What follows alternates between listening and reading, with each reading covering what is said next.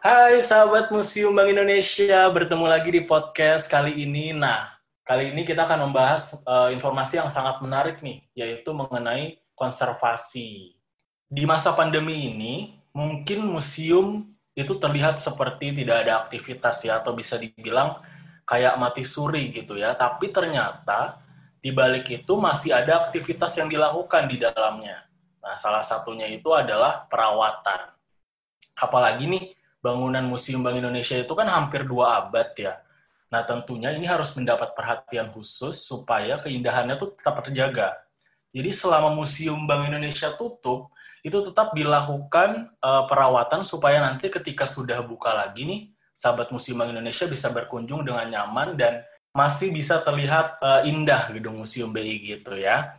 Selain itu, sebenarnya pandemi ini bisa dibilang memberikan efek positif ya karena Museum BI itu gedungnya bisa beristirahat sejenak dari hiruk pikuk kegiatan-kegiatan yang selama ini memadati Museum Bank Indonesia. Nah, apa aja sih yang dirawat selain gedungnya? Ternyata koleksi-koleksi yang ada di dalam Museum BI itu juga dirawat dengan baik. Ada memang orang yang bertugas di Museum Bank Indonesia itu yang merawat koleksi supaya bisa ditampilkan dengan rapi dan baik. Nah, itu disebut dengan konservator. Kalau aktivitas untuk merawat koleksi itu disebutnya dengan konservasi ya, supaya nanti koleksi-koleksi itu bisa tertata dengan rapi. Nah, sekarang kita sudah uh, bersama-sama dengan konservator Museum Bank Indonesia, tapi sebelum kita ngobrol nih dengan beliau, ya kita mau pantun dulu. Aku mau pantun dulu nih. Ke pasar gede membeli ebi Ketemu Bu Tejo langsung gosip tanpa basa-basi. Hai pendengar setia podcast MBI, yuk kita dengerin cerita tentang konservasi. Langsung aja kita sapa di sini sudah ada Kak Dina selaku konservator di Museum Bank Indonesia. Halo Kak. Halo Kak Jordan, selamat malam. Apa kabar nih? Baik, baik. Baik ya. Nah, Senang sekali kita bisa bertemu pada kesempatan ngobrol di podcast ini ya.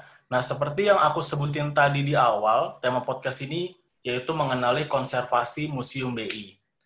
Nah, mungkin bisa dijelaskan nih Kak kepada sahabat Museum Bank Indonesia kira-kira apa sih yang disebut dengan konservasi itu?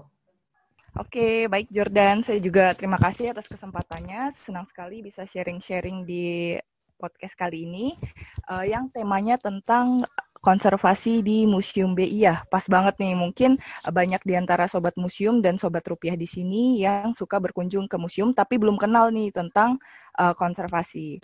Jadi kalau kita lihat di ruang pamer museum, uh, koleksinya itu terawat dengan baik, kemudian bersih dari kotoran-kotoran yang bisa merusak koleksi, itu adalah salah satu hasil yang dilakukan oleh konservator.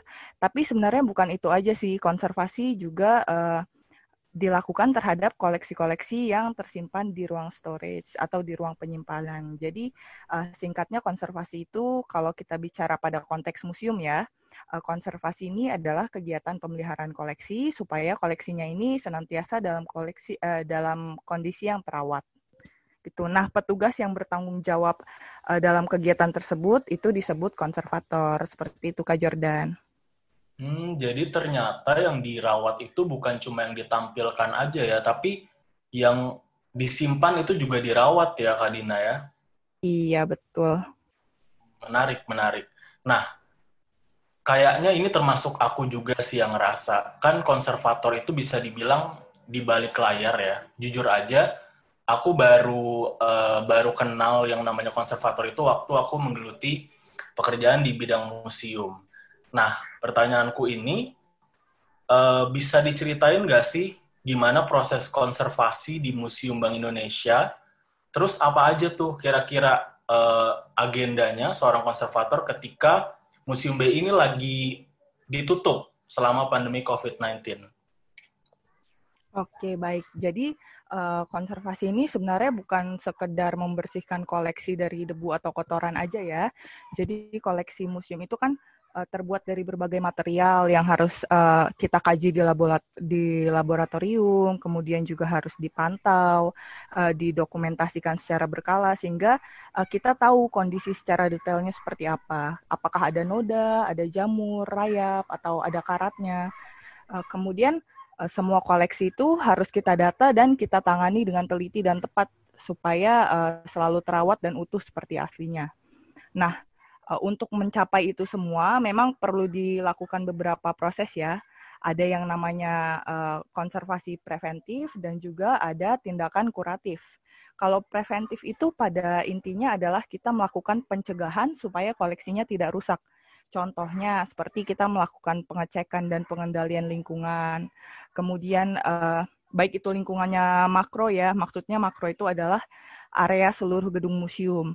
Kemudian juga kita uh, mengendalikan lingkungan mikronya atau area yang ada di dalam vitrin atau lemari pameran. Kemudian kita melakukan pengukuran suhu, kelembapan udara, kemudian juga intensitas cahaya di ruang pamer maupun di ruang penyimpanan. Itu uh, dilakukan secara rutin uh, dan masing-masing uh, dan kalau misalnya masing-masing dari uh, komponen tersebut itu melebihi standar optimumnya, optimumnya kita itu harus melakukan rekayasa atau pengendalian lingkungan. Kemudian juga kalau misalnya contohnya kelembaban udaranya itu uh, melebihi rentang optimal, itu kita turunkan dengan menggunakan dehumidifier, kemudian juga uh, pengendalian dengan silika gel agar koleksi-koleksi yang terutama itu berasal dari bahan organik seperti kertas, kayu, tekstil itu uh, tidak terserang jamur.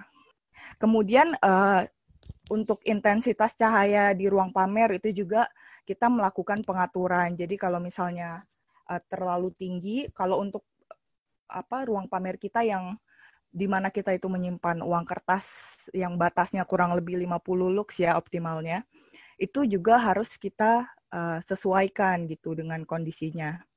Kemudian kalau misalnya kita sudah melakukan tindakan preventif atau pencegahan uh, dan memang koleksi itu membutuhkan penanganan lebih lanjut, maka kita lakukan tindakan uh, konservasi kuratif.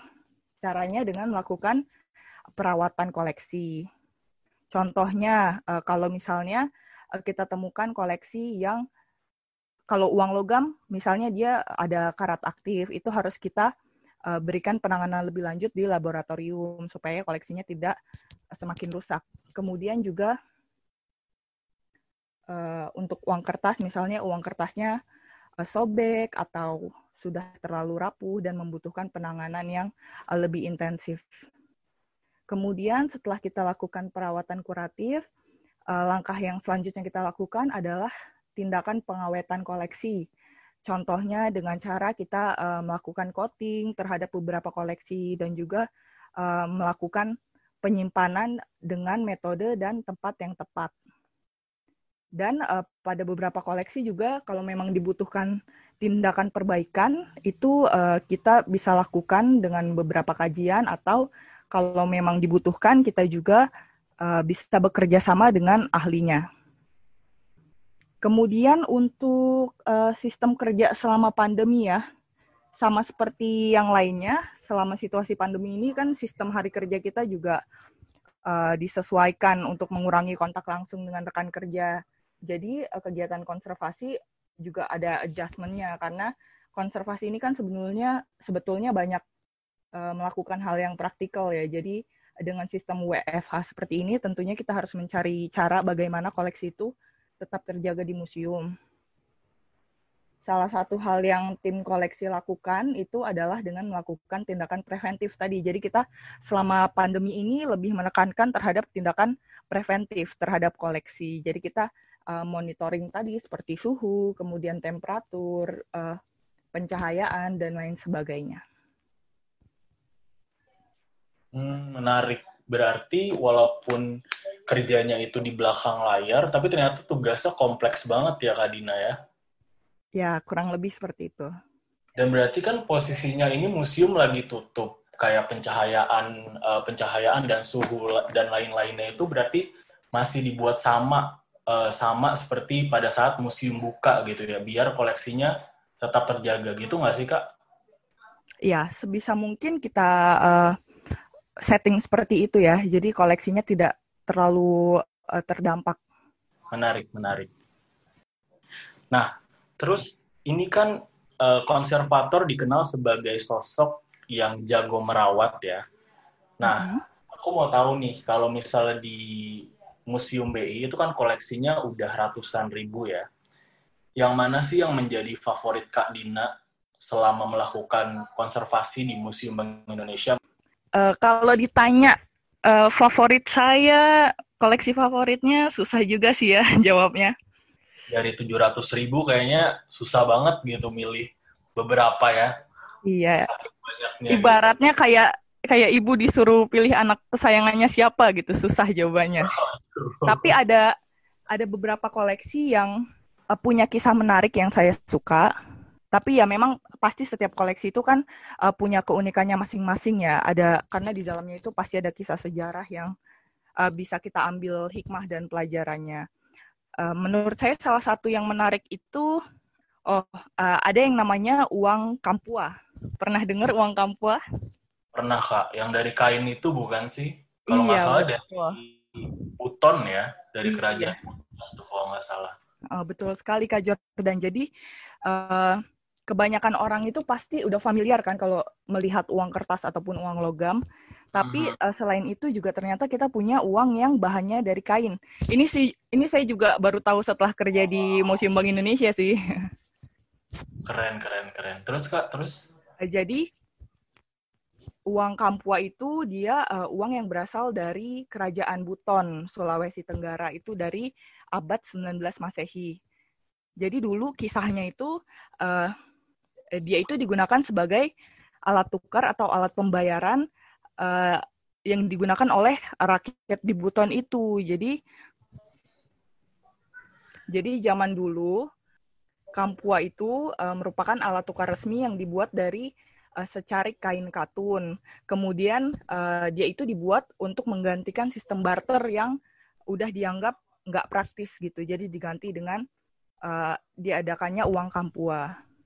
Jadi di kerajaan Buton itu ada ratu uh, penguasa kerajaan tersebut yang memanfaatkan kainnya untuk dijadikan alat tukar atau alat pembayaran di sana. Kemudian wow.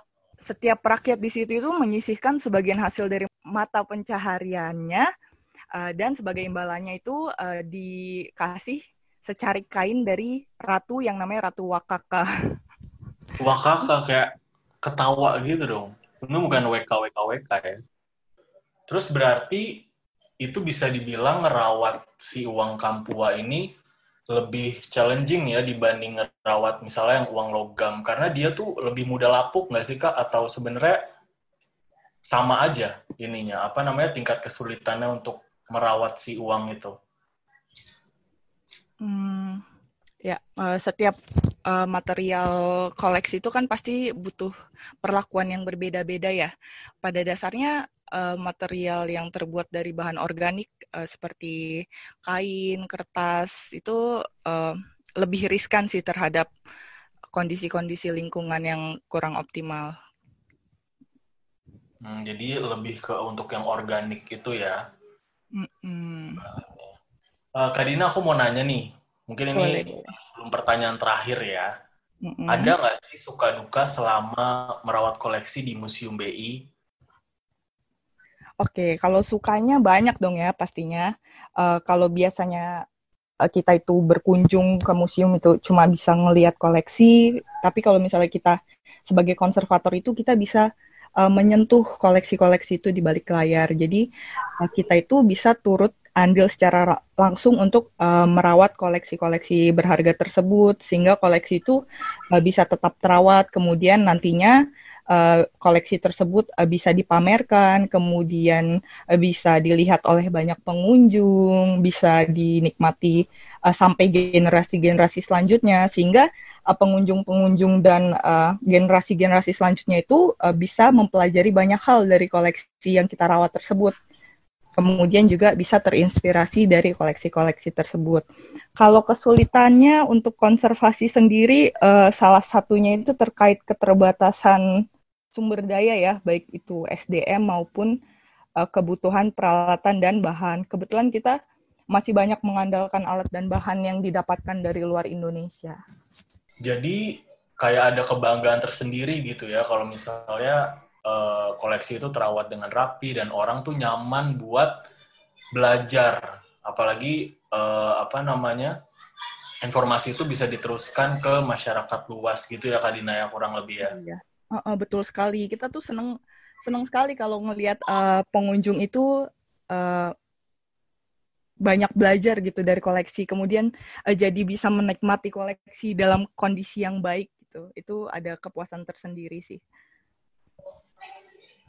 Nah, Kadina untuk menutup nih, harapan Kadina apa sih sebagai konservator terhadap dunia permusiuman di Indonesia untuk ke depannya?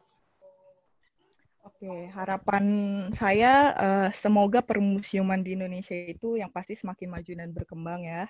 Kemudian uh, antar museum, sebenarnya kan museum di Indonesia ini banyak banyak sekali dan uh, beragam jenisnya. Jadi bisa semoga bisa semakin banyak uh, kolaborasi yang bisa kita lakukan supaya um, lebih banyak lagi uh, pembelajaran yang bisa kita sampaikan ke masyarakat. Kemudian juga uh, semoga kalau dari sisi konservasi, semoga uh, museumnya semakin maju, bisa terus uh, belajar karena di Indonesia itu kaya sekali koleksinya. Jadi sayang banget kalau misalnya sumber dayanya itu uh, baik manusia ataupun peralatannya itu nggak terus dikembangkan.